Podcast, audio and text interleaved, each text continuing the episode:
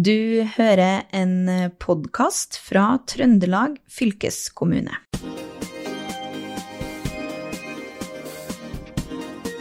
Alle er opptatt av mat, men det som ligger bak matproduksjonen får ikke like mye oppmerksomhet. Det burde det imidlertid få, for her skjer det mye spennende. Det gjelder ikke minst på teknologifronten, og nylig ble det arrangert en konferanse som har det internasjonalt klingende navnet Agritech Nordic. Som vi snakka om i forrige episode, handler dette i første rekke om teknologi som skal gjøre gårdbrukere i stand til å produsere mat, enten det er inne i fjøset eller ute på åkeren, på en enda bedre måte enn i dag. Og Sist uke snakka jeg med ansatte på Mære landbruksskole i Steinkjer. Og i dag har jeg med meg de som arrangerer Agritech Nordic. Og først til deg, Håvard Bellbo. Du er jo leder av T-lab, som jobber med å hjelpe gründerbedrifter. Og T-lab er jo også sentral i arrangementet Agritech Nordic. Og Belbo, hvorfor er det en god idé å satse på teknologiutvikling i landbruket? Ja, det syns vi er en veldig god idé. Og grunnen til det er jo at det skjer veldig mye på det området, og det skjer over hele verden. Og så tror vi at vi i, både her i Trøndelag og i Norden generelt har mye å bidra med i den utviklinga. Både for å få til en større matproduksjon, men også en mer bærekraftig produksjon og distribusjon av mat. T-lab tilbyr jo gründere og etablerte bedrifter bistand når de skal utvikle og kommersialisere gode forretningsideer. Har det kommet gode ideer i løpet av de åra Agritech Nordic har blitt arrangert, som dere vil satse på videre? Ja, det har det absolutt. Det er mange ideer som vi har innom oss og har gjort opp gjennom årene.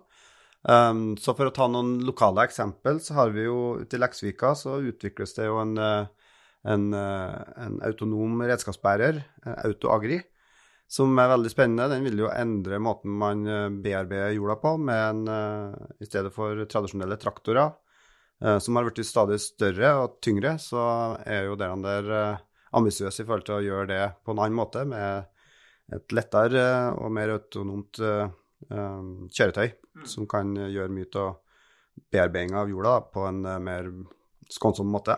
Mm.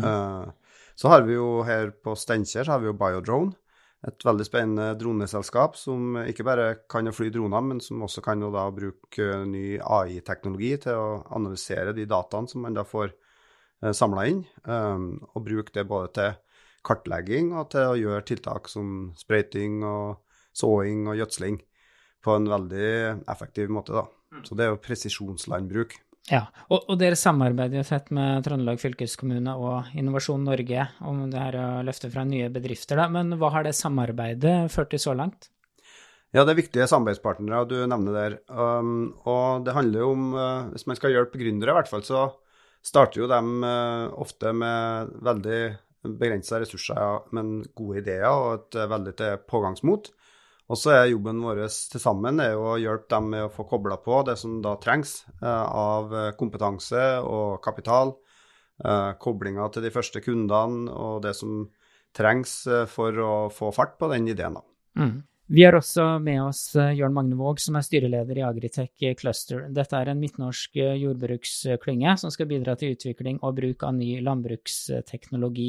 Og her er det nå hele 60 medlemsbedrifter. Kan du ikke fortelle litt om hva oppgaven deres er, og hva, er, hva gjør liksom Agritech Cluster i det daglige? Oppgaven, oppgaven vår er i første rekke nå å koble alle bedriftene det vi opplever i Midt-Norge nå, det er at det er utrolig mye gode initiativ. Det eh, jobbes på veldig mye gode prosjekt, eh, men det er uoversiktlig.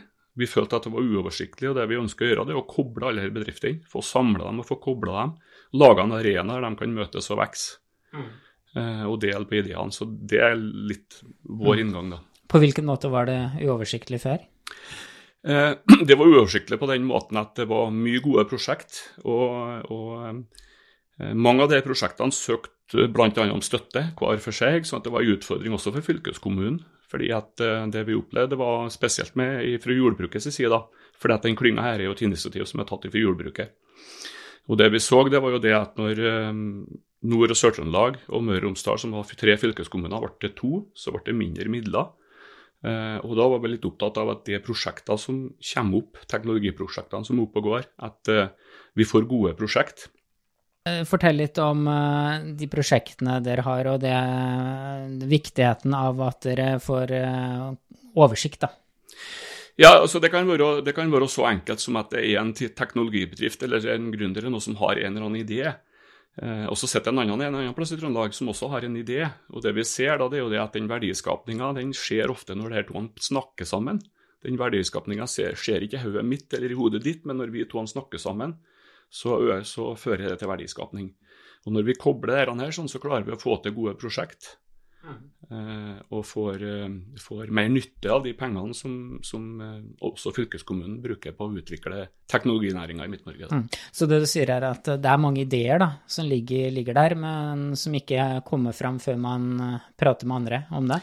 Ja, det er det. Og så er det ofte så stopper det i manglende teknologi. Bare for å ta et eksempel, så kan det være en næring som har et eller annet problem, som det viser seg at den andre aktøren har løsninger på. Ikke sant? Så, mm. så, det det handler om, egentlig, som Håvard prata om på forhånd her, også, det handler om å lage et miljø. Mm. Og at alle sammen drar sammen, at vi klarer å lage et godt teknologimiljø i Midt-Norge. Vi har alle forutsetninger for å lykkes med det her i, i Midt-Norge. Rundt miljøet i Trondheim og rundt miljøet som absolutt er på tur opp på stein. Mm. Hvor stort er potensialet da, Håvard Belmo? Ja, det potensialet er stort. Det som er annerledes nå enn for noen år siden, det er jo at det gjerne er et globalt marked. Hvis man uh, lykkes med å utvikle en teknologi som uh, fungerer her lokalt, så kan det også være muligheter for å skape en eksportnæring basert på det. Og da er det her samspillet som Jørn Magne nevnte, utrolig viktig. da. For det, det, er, det er gjerne teknologi som kan komme fra en annen bransje som er overførbart og anvendbart eh, innenfor landbruket. og da, da, er det ofte sånn at eh, de, som kan teknologi, kan nødvendigvis ikke nok om anvendelsesområdet. Så da må de ha bedre kontakt da, med, med gårdbrukerne og dem som vet hva som er, er problemstillingene, og hva som gjør at det kan bli en eh, nyttig anvendelse av den teknologien. Mm. Og Du sier det kan bli en eksportnæring. at at det her er noe man kan eksportere. På hvilken måte? Ja, vi har jo noen eksempler på det allerede. Jeg er jo styreleder i Orkel. og Der er det jo Kina som er det største markedet for den eh, teknologien deres. De eksporterer jo for flere hundre millioner allerede. Det er jo en trøndersk bedrift. Og um, vi har jo fått noen analyser utført av Sintef som uh, som peker på um, leverandørindustri til landbruket som en uh, potensielt stor eksportnæring. Og da snakker vi uh, typ 100 milliarder kroner, som er potensialet. Mm. Er det vanskelig å få tak i investorer da, som er villige til å dytte inn penger? Det, det, er alltid vanskelig å få investorer til å bli trygge på at det er lurt å investere i tidlig fase i gründere. Så det bruker vi mye tid på å, å hjelpe gründerne til å forstå hva de da trenger å svare opp for at det skal kunne være eh, aktuelt for investorer å risikere kapital mm. på de selskapene. Um, og der er det nok uh, andre miljøer i verden bedre enn vi er i Norge, så vi når ikke helt opp på den statistikken der på hvor det, hvor det investeres uh, mye i, i sånn type teknologiutvikling. Mm. Men der må vi jobbe med å få opp den investorkapasiteten. Mm. Men si jeg har to millioner kroner, da, jeg vil investere. Er det en god eh, investering hvis jeg investerer i landbruksteknologi? Ja, det kan det absolutt være. Det er jo alltid lurt å, å spre risiko hvis du skal investere i tidlig fase. Så det vi har gjort opp gjennom årene her, er å være med å lage investeringsfond, der at uh, du med dine to millioner går sammen med andre som òg kan være interessert i å investere. Og så lager man et investeringsfond, sånn at man til sammen kan investere i flere selskap. Og har du en portefølje på noen titalls investeringer, så er det god sjanse for at noen av dem blir skikkelig bra, og så er det sannsynlig òg at noen av dem ikke blir bra. Men den risikoen kan du håndtere da med å gå sammen med andre. og vi har jo, Her så har jo fylkeskommunen òg vært med på å etablere Tidligfasefondet, som er et, som er et tidligfasefond. Mm.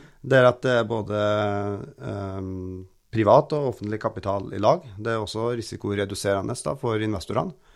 Og nå så etableres også et Tidligfasefondet 2, eh, som både fylkeskommunen er med i, og, og mange private investorer. Og banker og innovasjonsselskap Mm. i lag.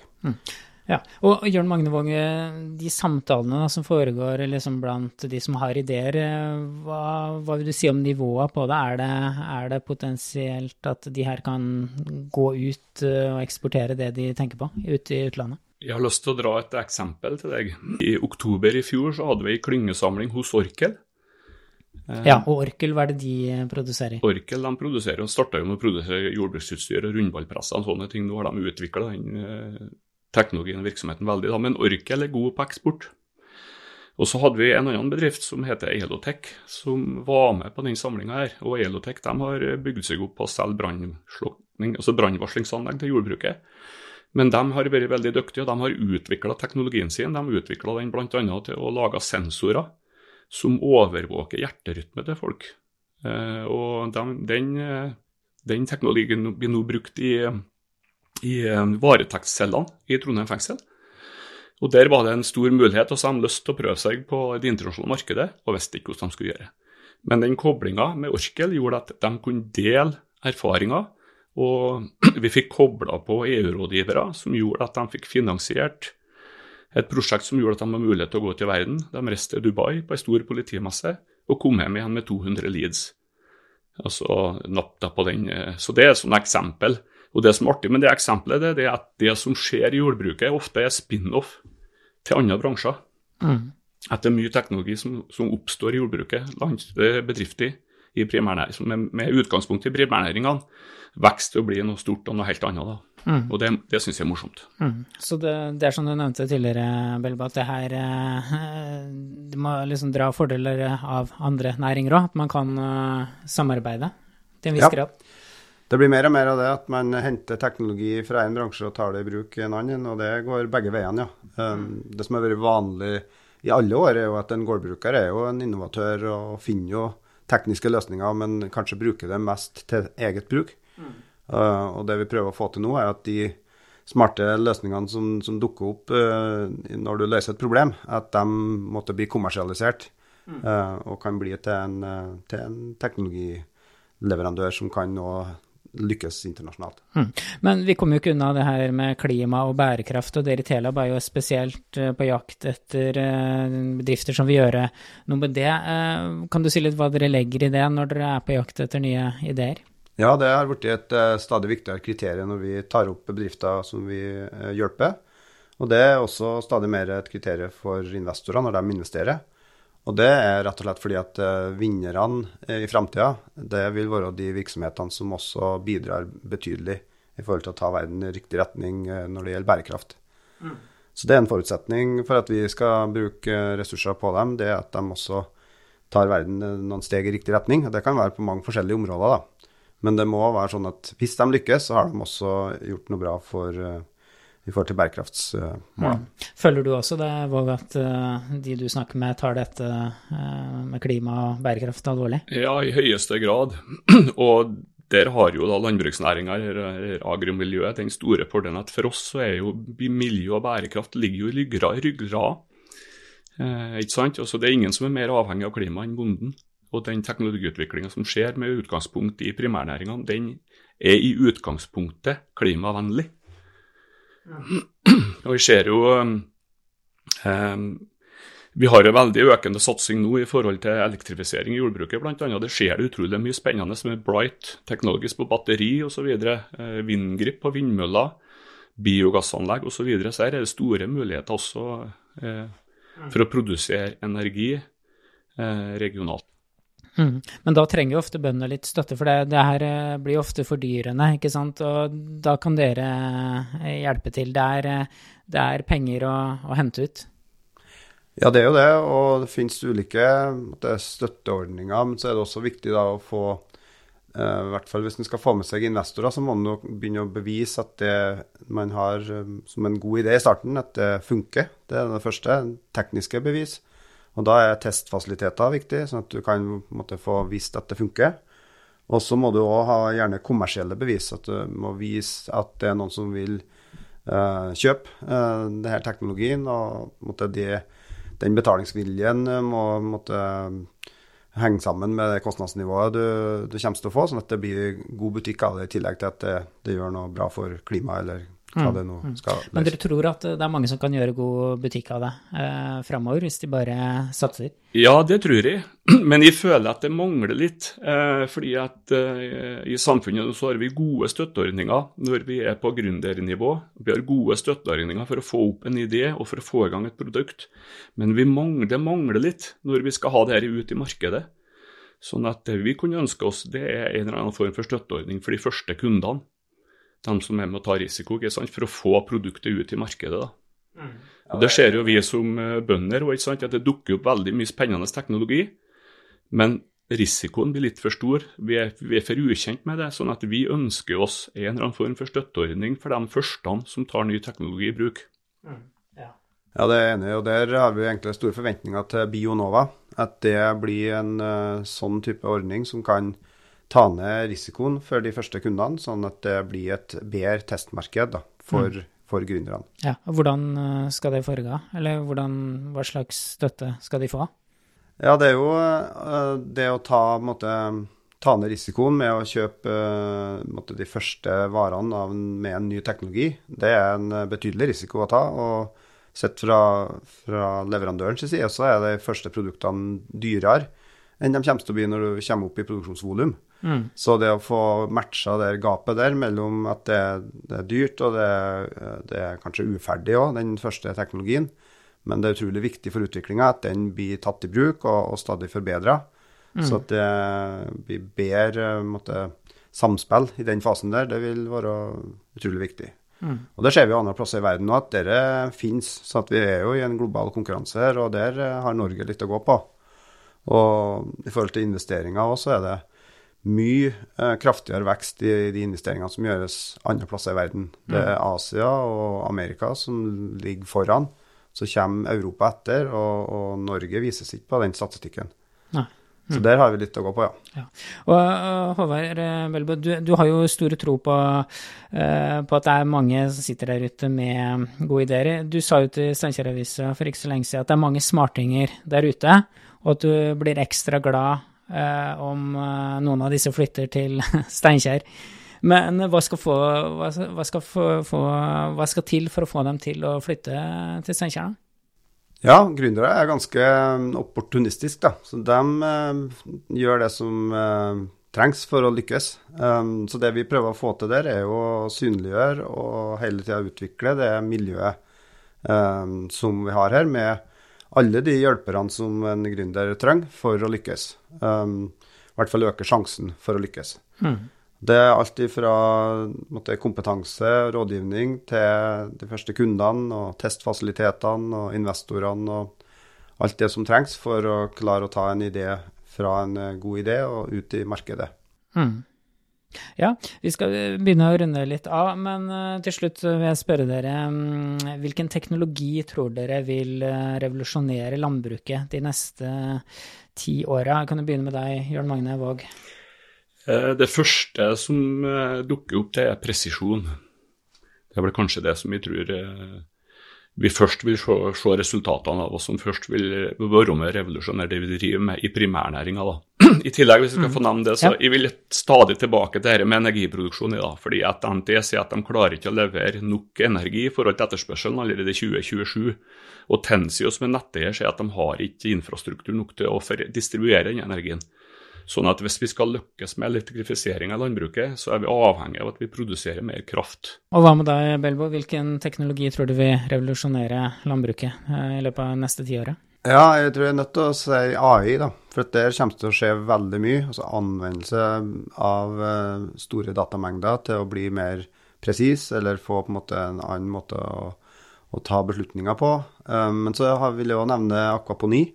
For det hadde vi som tema på Agritech Nordic i fjor, eh, og i år så kommer det på nytt igjen. Og det vi ser med den eh, industrielle symbiosen, som vi kaller det da, på, på Malm, med samspillet mellom landbasert oppdrett eh, og biogass og akvaponi.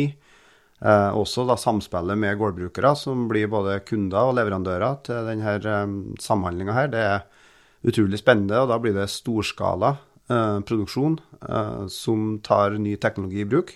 Og det, det, vil bli, det, vil bli, bra både for produksjon, at den blir mer bærekraftig, men også eh, teknologiutvikling som kan da skaleres eh, til hele verden. Mm. Og hvilken oppfordring har dere til de som uh, hører på har kanskje en god idé da, som kan gjøre noe med uh, landbrukets utvikling? Ikke sitt alene. Ta kontakt med de miljøene som bygges opp i, i Midt-Norge nå. Vi er faktisk i ferd med å bli en unik region i Norge når det gjelder teknologiutvikling i landbruket. Så det er kanskje oppfordringa mi. Ta kontakt med miljøet, fordi at, uh, fordi at her er det hjelp å få. Og store muligheter for å få utvikla den ideen videre. Mm. Og du støtter deg bak det? Ja, det støtter jeg absolutt. Og agritech som begrep var jo ganske ukjent når vi begynte å snakke om det for fem og seks år siden. Um, nå så er jo det uh, kjent som en mulig stor eksportnæring uh, fra Norge. og Agritech Nordic er den største møteplassen i Norden for gründere og investorer innenfor denne uh, bransjen. Så det er en fin mulighet å gründe på det området i Midt-Norge. Absolutt. I år har det vært rekordoppslutning rundt Agritech Nordic. Hvor, hvor mange har det vært her? Ja, I år ble det flere enn noen gang. Vi måtte bære inn stoler. og Det var artig å se at så mange fra både inn- og utland møttes her på Steinkjer. Så um, flere hundre på alle arrangementene. Uh, så det var kjempeartig. Mm. Men hva er grunnen til at det kommer så mange fra utlandet til uh, lille Steinkjer? Det er vel et resultat av langsiktig arbeid det da, med å ta den posisjonen som en, uh, som en slags hub innenfor Agritech. Vi har arrangert, Det var sjette gangen vi har arrangert nå. Og vi har jo vært ute og besøkt eh, andre miljø i tillegg, og når de vet om oss, så kommer de og ser hva vi har på gang her. Og med de positive orda så sier vi takk eh, til eh, Håvard Belbo, som er leder i Telab, og Jørn Magne Våg, som er styreleder i Agritech Cluster. Fylkesbåten sier takk for seg. Mitt navn er Håvard Seiner. Du har hørt Fylkespodden, en podkast fra Trøndelag fylkeskommune. Hør flere episoder på trondelagfylket.no.